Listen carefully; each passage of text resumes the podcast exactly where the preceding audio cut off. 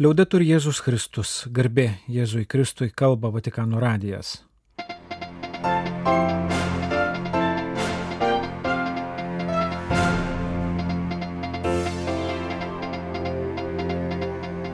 Malonus klausytojai šioje programoje. Trečiadienio bendroji audiencija. Pranciškaus katechezė apie džiaugsmą, malda už Ukrainą ir šventąją žemę, kraujo dovanojimo vertės priminimas. Tikėjimo mokymo kongregacija. Tikėjimas nesuderinamas su priklausimu masonams. Romoje prasideda jubilėjaus koncertai. Gazos karitas. Pareiškimas.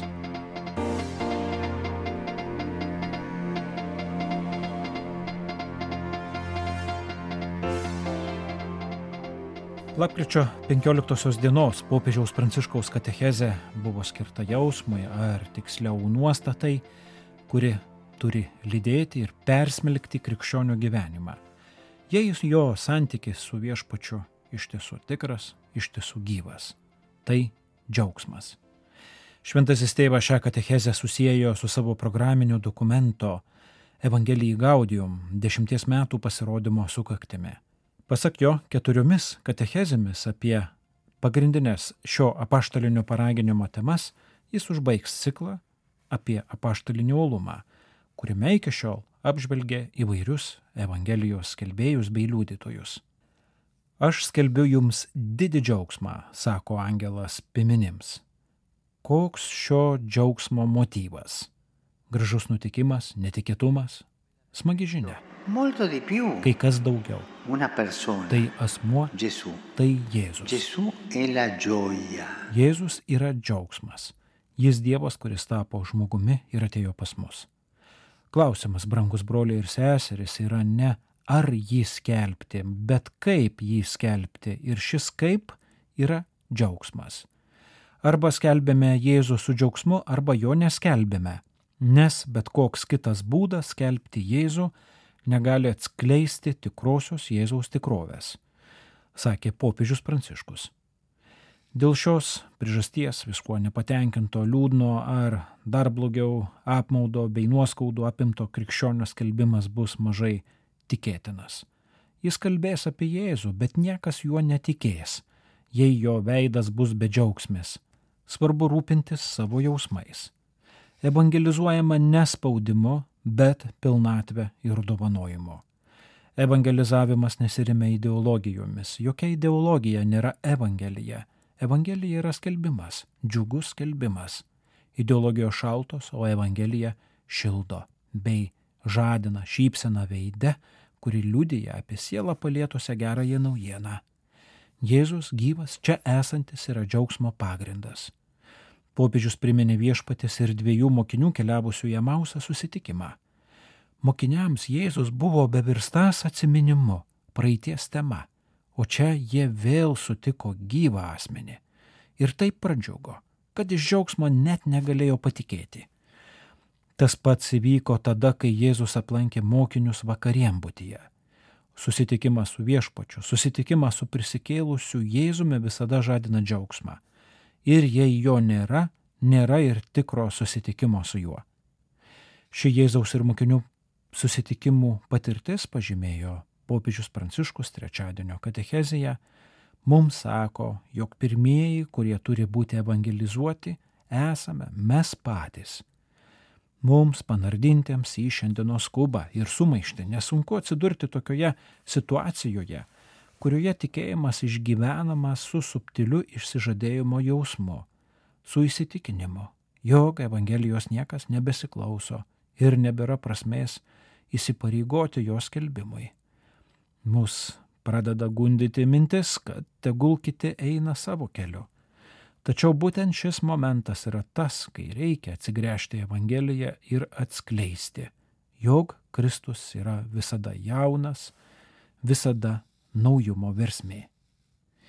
Tada, kaip ir tie du Emauso mokiniai, sugrįšime į kasdienį gyvenimą, su pakilėjimu, su įkvėpimu, kurį jaučia tie, kurie ką tik surado lobį.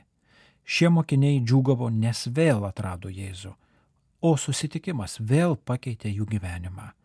Jie vėl pamatė, kad aplink daug brolių ir seserų, kuriems reikia vilties žodžio.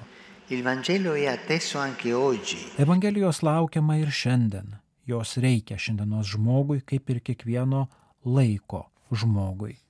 Jos reikia net užprogramuoto nepatiklumo ir institucionalizuoto sekularizmo civilizacijai.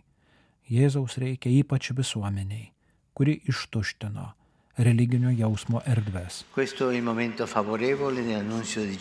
Dabar yra palankus metas skelbti Jėzų. Todėl norėčiau dar kartą visiems pasakyti, Evangelijos džiaugsmas pripildo širdį ir gyvenimą tų, kurie sutinka Jėzų. Sakė Pranciškus. Tie, kurie leidžiasi būti jo išgelbėjami, yra išlaisvinami ir iš nuodėmės, liūdėsio, vidinės tuštumos, uždarumo. Su Jėzumi Kristumi džiaugsmas visada atgimsta. Neturime to pamiršti. Šio džiaugsmo nejaučiantis turėtų savęs paklausti, ar iš tiesų sutiko viešpati. Džiaugsmas yra Evangelijos kelias. Kviečiu kiekvieną krikščionį, bet kurioje vietoje ir situacijoje, atnaujinti susitikimą su Jėzumi Kristumi. Kiekvienas iš mūsų šiandien teskiria šiek tiek laiko, kad pagalvotų. Jėzau, tu esi manyje. Noriu sutikti tave kiekvieną dieną. Tu esi asmuo, ne idėja. Tu esi kelio pakeleivis, o ne programa. Tu meilė, kuri išsprendžia problemas. Tu evangelizavimo pradžia. Tu, Jėzau, esi džiaugsmo versmė. Amen. Meldė popiežius lapkričio 15 dienos katechezija. Saluto cordialmente i pellegrini a lingua francese. Kaip įprasta antroje trečiadienio bendrosios audiencijos dalyje po katechezės popiežius Pranciškus sveikino įvairias maldininkų ir piligrimų grupės Šventojo Petro aikštėje, nepamiršo Ukrainos, Šventosios žemės ir kitų vietų, kur taip trūksta taikos. Pranciškus pasveikino Italų kraujo donorų asociacijos grupę ir pridūrė, E pabrėžiu etinę kraujo donorystės vertę. Šis gestas padeda išgelbėti daugybę gyvybių. Tarp bendrosios audiencijos dalyvių buvo didelė skautų iš Folinio miesto centrinėje Italijoje grupė, atvykusi su Folinio viskupijos parapijų patarnautojais ir pašaukimų silovadininkais. Brangus jaunuoliai, raginu jūs drąsiai imtis iniciatyvos toje aplinkoje, kurioje gyvenate. Ypač būkite džiugus Evangelijos liudytojai, statantis tiltus, o ne sienas. Linkėjo skautams Pranciškus. Jis taip pat sveikina audiencijoje dalyvavusius senelius, ligonius, daug jaunų porų bei priminė, kad artėjame prie liturginių metų pabaigos. Paskutinės liturginių metų savaitės kalba mums apie krikščioniškosios vilties prasme. Šioje perspektyvoje kviečiu jūs visada suvokti kasdienių patirčių, taip pat išbandymų prasme bei vertę, atsimenant, jog viskas išeina į gerą mylintiems Dievą. Apaštalo Pauliaus žodžiais rumiečiams kalbėjo popiežius Pranciškus. Kaip jau tapo įprasta, bendrąją audienciją šventasis tėvas užbaigė kvietimu melstis už taiką, ypač už toliau karo, sekinamą ir kamuojamą Ukrainą, už šventąją žemę, Palestiną ir Izraelį, nepamirštant ir Sudano kančios. Atsiminkime visas vietas, kur siautėja karas, yra daug karų. Melskime už taiką. Tegul kiekvieną dieną, kiekvienas skiria šiek tiek laiko maldai už taiką, kurios trokštame. Prašė klausytojų popiežius Pranciškus. Galima pridurti, jog Ukrainą jis paminėjo ir sveikinime Lenkų piligrimams. Evangelijos laukiama ir jūsų tėvynėje, o jos skelbimą turi lydėti konkretus gailestingumo darbai. E.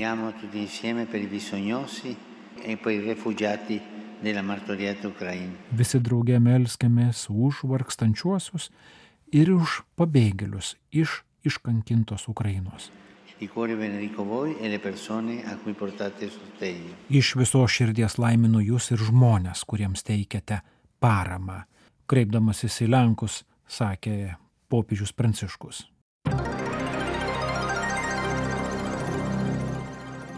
Ar katalikas gali būti masonas? Priklausimas masonų ložėms nesuderinamas su krikščioniškojų tikėjimu, pažymėjo tikėjimo mokymo kongregacijos prefektas su popiežiaus pranciškaus pritarimu atsakęs į Filipinų vyskupo klausimą, ką daryti, kai vyskupijoje daugėja pritariančiųjų masonams katalikų skaičius. Kardinolas Viktoras Manuelis Fernandesas, tikėjimo mokymo dikasterijos prefektas, panašia atsakymo į vieno Brazilijos ganytojo klausimą apie translyčių asmenų krikštą formą lapkričio 13 dieną pasirašė dokumentą ir su popiežiaus pritarimu atsakė į Julito Cortezo Dumanguetės vyskupo Filipinuose laišką. Pastarasis išsakė susirūpinimą dėl didelio į masonus įsirašiusiųjų katalikų skaičiaus savo vyskupijoje ir paprašė patarti, kokiais pastoraciniais veiksmais tinkamiausia atsiliepti į susidariusią padėtį, atsižvelgiant ir į doktrininės implikacijas. Dikasterija pateikė doktrininį paaiškinimą ir pastoracinį pasiūlymą, taip pat paragino Filipinų viskupų konferenciją įgyvendinti su atskirais viskupais suderintą strategiją. Pirmoji iš dviejų dikasterijos išsakytų pastabų yra doktrininė. Tikinčiajam draudžiamas aktyvus įsirašymas į masonus dėl katalikų doktrinos ir masonerijos nesuderinamumo. Be to, priminti du nesuderinamumo patvirtinantys dokumentai 1983 m. tikėjimo mokymo kongregacijos deklaracija ir 2003 m. Filipinų viskupų konferencijos gairės dėl bendravimo su katalikais tapusiais masonerijos nariais. Kardinolo Fernandeso pasirašytame dokumente patikslinta, kad pastarųjų dokumentų normos taip pat taikytinos dvasininkams įsirašiusiems į ložes. Antroji dikasterijos pastaba - pastoracinė.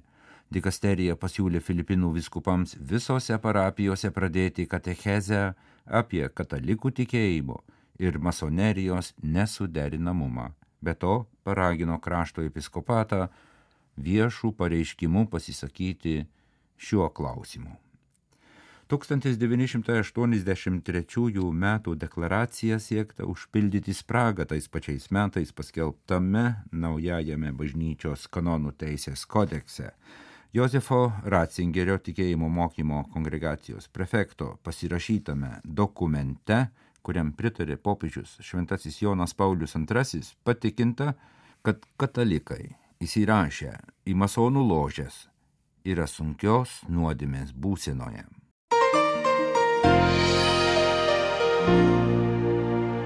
Lapkričio 26-ąją vienoje iš pagrindinių Romos koncertinių salių Vatikano pašonėje esančiame auditoriume įvyks pirmasis iš aštuonių koncertų, įtrauktas į pasirengimo 2025 m. jubiliejų ir šventiesiems metams kultūrinę programą.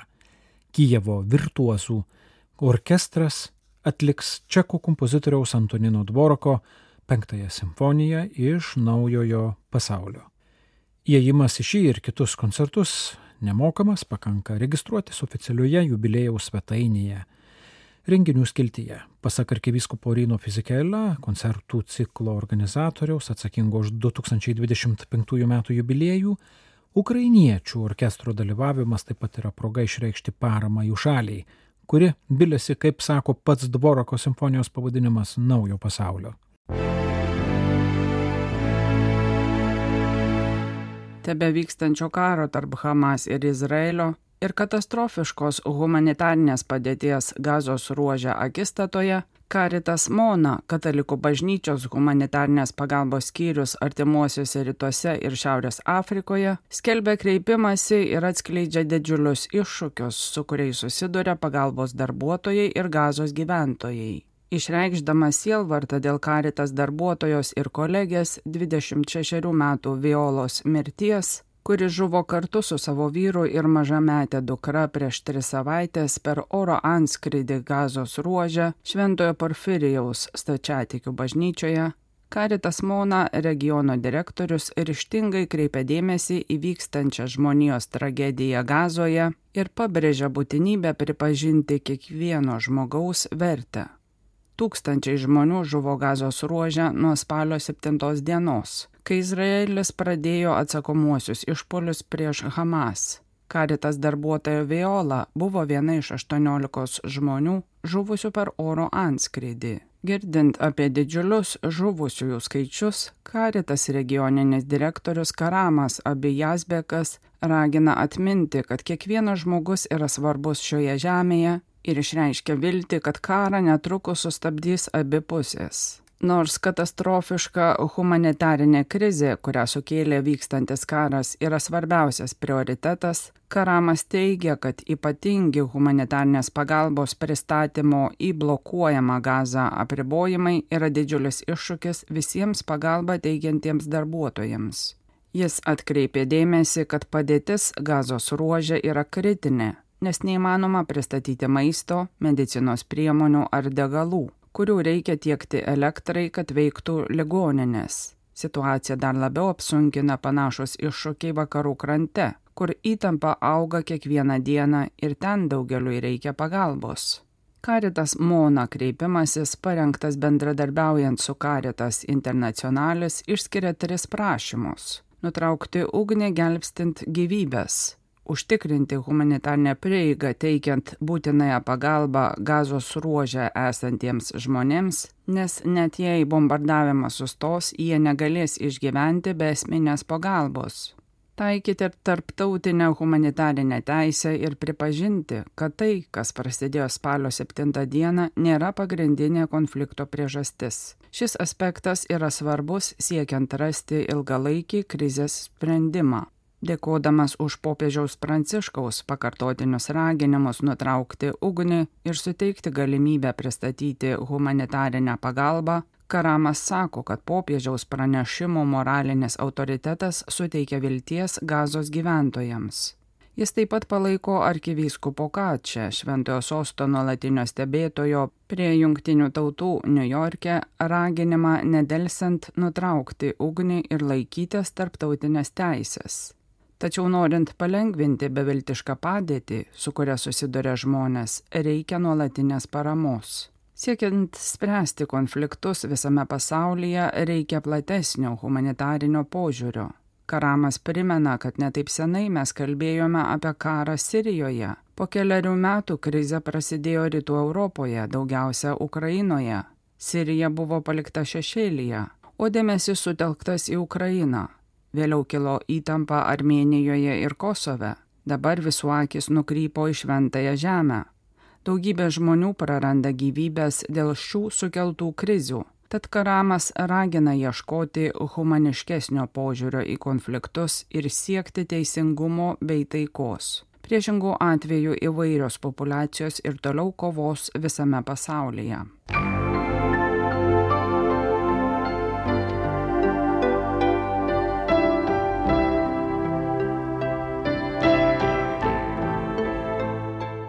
Malonus klausytojai laidą lietuvių kalbą baigiame. Kalba Vatikano radijas. Garbė Jėzui Kristui, liaudai turi Jėzus Kristus.